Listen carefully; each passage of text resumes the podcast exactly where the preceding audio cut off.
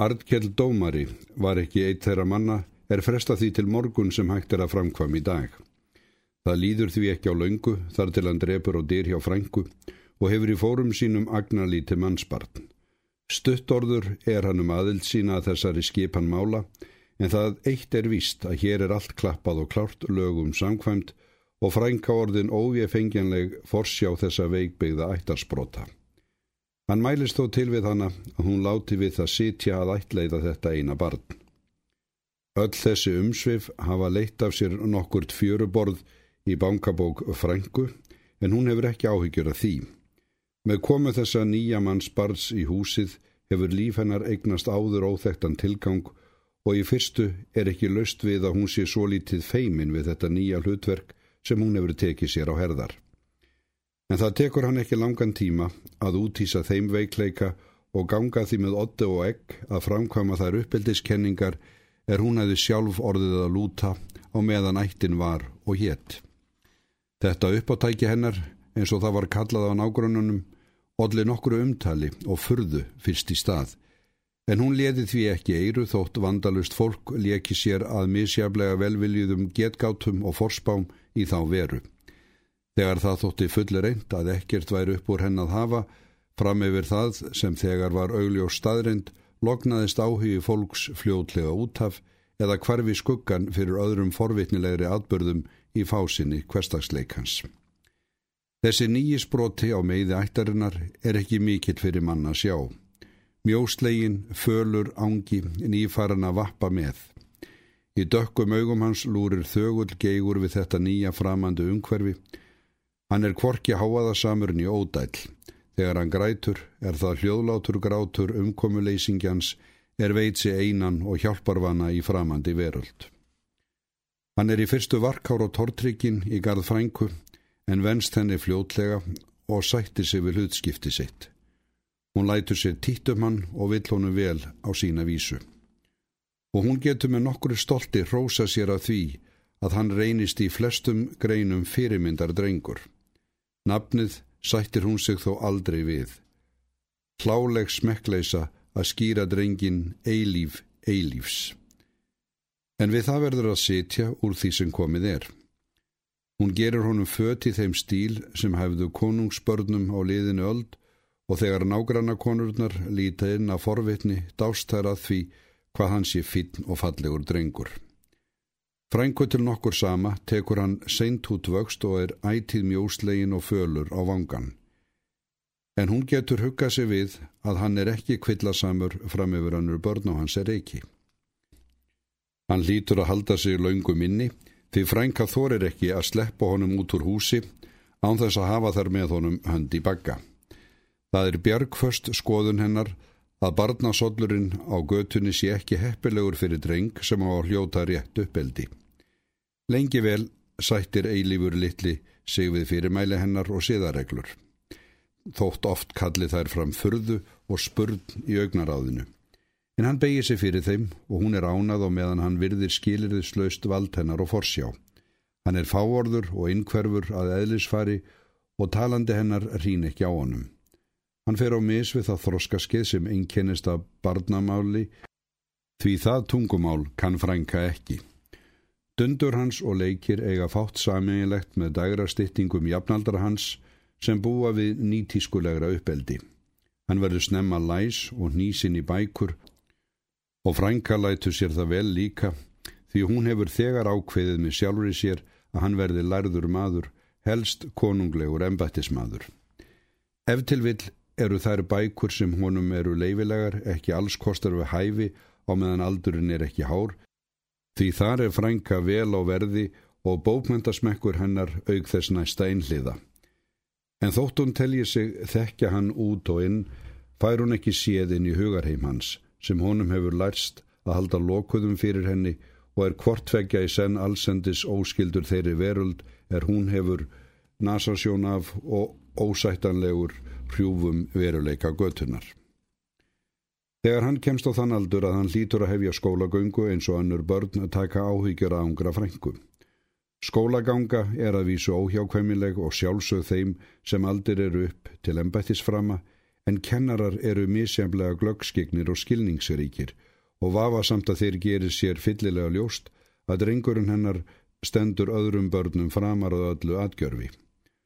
Svo getur ekki hjá því farið að hann kynnist öðrum börnum meira og minna misefnuðum að upplægi og innræti sem kunna spilla honum, rífa það niður sem hún hefur byggt upp, en þessa áhættu verður að taka og enn er hún, Guðisjú lof, manneskja til að hafa með honum þá hönd í bakka sem úslitum ræður. Hann stendur á dyrapallinum mjór og renglulegur snáði og bláu matrósufötin hans sem eru vel við vöxt get ekki dölið rýrðans. Frænka snýst í kringum hann, tínir af honum ímyndað kusk, stríkur úr brotum, lagar á honum húuna og byður Guð að fylgja honum. Hún er búin að tala við skólastjóran og kennarana svo þeir hafa ekkert lengur sér til afsökunar eða eitt hvað kemur fyrir.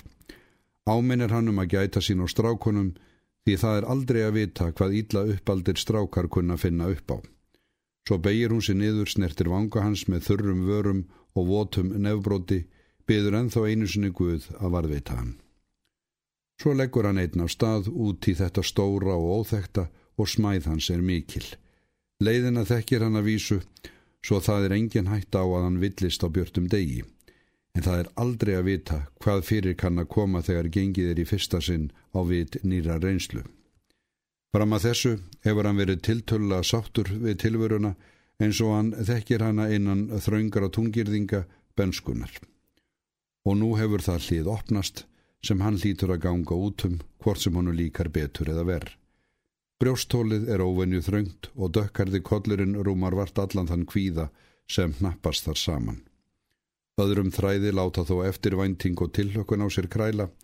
Ef til vill á hann í vændum fyrirheit og ævintýri, fallegri en ímyndarnarblið órar fyrir, kannski veruleika sem er ljótari og brúnaþingri en uggurinn innra með honum. Fyrsti dagurinn í skólanum er lengja líða. Sjálfar kennslustundirnar eru þó ekki svo slæmar Því það kemur á daginn að hann er fluglæs, sómasamlega skrifandi og kann að leggja saman og draga frá. Á þessum aldri er það reynd ekki svo lítil mentun. Hann far hrós hjá kennurunu fyrir framistöðun og verður upplitt stjærvari. En í fríminótonum segir minnumáttakendin óþyrmilega til sín því þá eru það ekki andlegir yfirburði sem gilda heldur ófyrirleitin styrkur nefans sem sker úrum það hver er mestur maðurinn. Hann kann ekki að taka þátt í háað á æslum svo hann freistast til að draga sig í hlje. En strákarnir gefa honum engan grið, hópast um hann og skoða eins og fá séðan grip. Hann veit sig stinga í stúfið hópin því hann er velgreitur og hreitn í fínum fötum sem venjulegir strákar gangi ekki í hverstagslega auk þess uppurðarlaus og pasturslítill. Framistaðin í tímanum hefur ekki aukið og hróður hans meðal drengjana og nú er stundin komin til að niðurlæga hann. Þeir þrengja sér um hann og láta spurningarnar dinja honum. Kanta slást? Nei, það kann hann ekki. Kantu fótbolta? Nei, hann hefur aldrei sparkað bolta. Getur þú sagt anskotin í helviti? Nei, það er af og frá því hann kann ekki að blóta. Hefur þú hengt kött? Nei, aldrei. Hefur þú kíkt upp undir stelpu? Nei, nei, aldrei dotti neitt ljótt í hug. Það er samum hvað er spurt, hann á ekki svar við neinu. Og strákur sem veit ekkert í sinn haus af því sem aðri strákar vita upp á sína tíu fingur getur ekki kalla strákur með strákum og meira en mál að lemja í hann agnarögn af karlmennsku. Strákarnir hrópa og hýja, rek upp stríðsöskur, tróða snær, umkringja hans, stjaka við honum, rekja hann til og frá og háðsklósurnar skella á honum eins og hagljél. Hann reynir ekki að verjast um fram það að bera handlegg fyrir andlit ef kreftur nefin álgast að ískekilega mikið. Ha ha ha, hann er hrættur, alveg skítrættur. Já, hann er svo óbóslega hrættur að hann veit ekki lengur sittur júkandi ráð. Langar til að æpa en kemur ekki upp hljóði, getur ekki flúið því hann er króaður af. Hann er orðin stjarfur af óta og andlistrættirnir í þann vegin að leysast upp búin að fá sáran herping í magan og hann veit hvað það þýðir. Þetta hlýtur að enda í óbærilegri smán. Hann er í þann vegin að gefa allt viðnám upp á bátinn þegar hópurinn umhverfis hann riðlast. Rauðhærður, snaggarlegur patti brist til hans í gegnum þöguna, sópar frá sér og deilir spörkum og pústurum á báða bóa. Stansar við hlið fornaralamsins og hvessir augu yfir hópin, albúin að beita nefunum, betur ef í það fer. En til þess kemur ekki því þarna er sá komin sem yfirburðina hefur. Strákarnir draga sig ofurlítið í hlje, skrítnir á svipin og álagahamurinn losar tökin. Látið hann í friði, segir sá rauðarði af mynduleik. Af hverju megum við ekki skoða hann, spyr einn í hópnum þrjóskur. Var hann að slást upp á ykkur, ha? Nei, eiginlega ekki. Af hverju látið þið þá svona við hann? Við vorum bara að stríða, hrekkur upp úr einum. Það tristi sér enginn til að staðhafa að þessi busi hafi gert á hluta eins eðan eins nema þetta ófyrirgevanlega að vera öðru vís en þeir og það er að sjálfsögðu verst fyrir hann sjálfan. Ég skal lemja ykkur í klessu ef þið látið hann ekki fríði, segir Rauðharði snáðin og orðum sínum til árettingar ótar hann kreftum nefunum að félögum sínum. Það leini sér ekki að strákarnir þekkja þessa nefa og bera virðingu fyrir þeim. Niðurlútur fylgir eilífur bjargvætti sínum í síðasta tíma dagsins. Það er ekki tóm til að talast við, en rauðkolli tekst að lauma til hans uppörfandi brosi. Fyrir dreng, sem er svo ítla á Guði gerður að vera öðruvís en aðri strákar, er það kærkomin sárabót eftir það sem á undan er gengið. Hann býst til heimferðar með nokkur mugg, því það er aldrei að vita hvað kann að leynast handa við næsta húsortn en þegar hann er í þann vegin að láta skeikað sköpuðu er hjálparandin með rauðarlubban komin upp að hlið hans. Ég skal vera með þér, segir hann formála löst og tekur þegar fórustuna. Þú þarft ekkert að vera hrættur við þá, heldur hann áfram. Það er bara að vera ekkert smeykur þá þóla þeir ekki að ráðast ámann. Þetta er ágætt lífsregla fyrir þann sem ekki kann að hræðast og getur þar að þau ekki lami frá sér en reynt ekki einhlít fyrir þann sem kann kvorugt. Ég heiti Haraldur, segir Rauðhaus, og ég er æfanlega kallaður Halli. Ég heiti Eilífur, segir skjólstaðingur hans, ég er aldrei kallaður annað.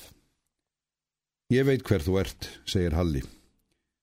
Það verður fljótlega sjálfsærið venju að þeir fylgja stað í skólan á hverju morgni og heim þegar kjenslustundum líkur.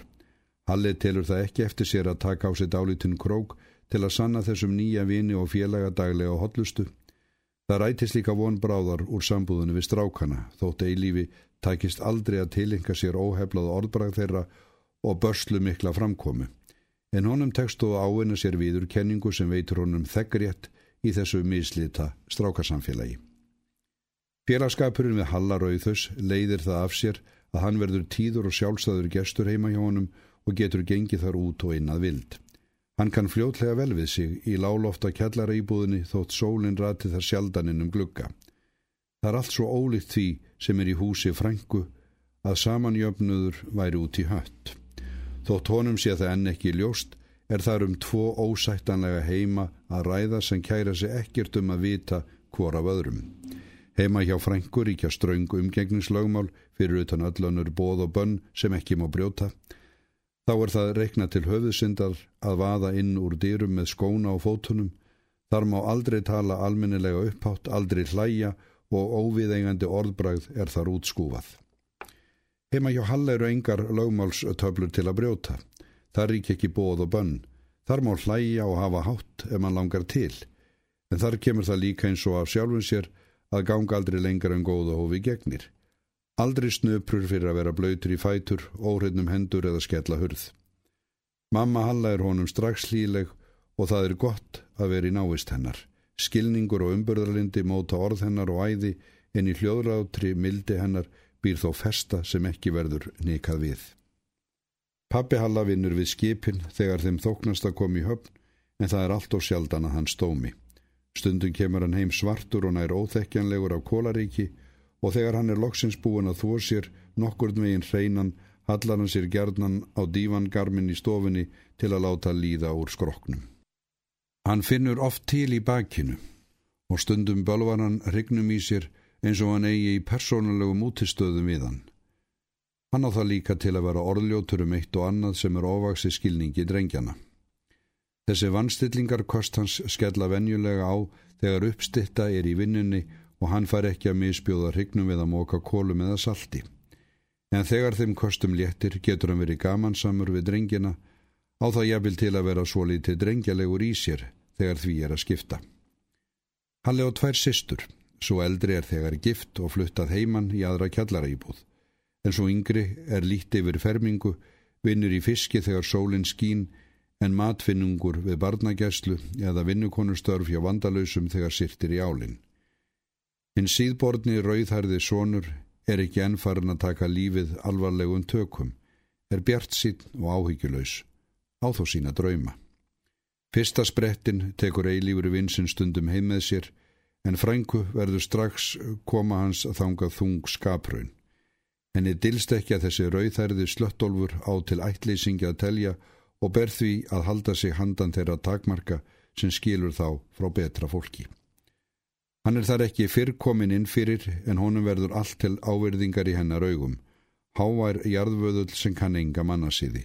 Vísast heimskur en þó fyrst og fremst ítla upp balinn og innrætið eftir því. Hún fær ekki skilið að drengurinn hennar skuli velja sér að félaga svo ómerkilegan pottorm.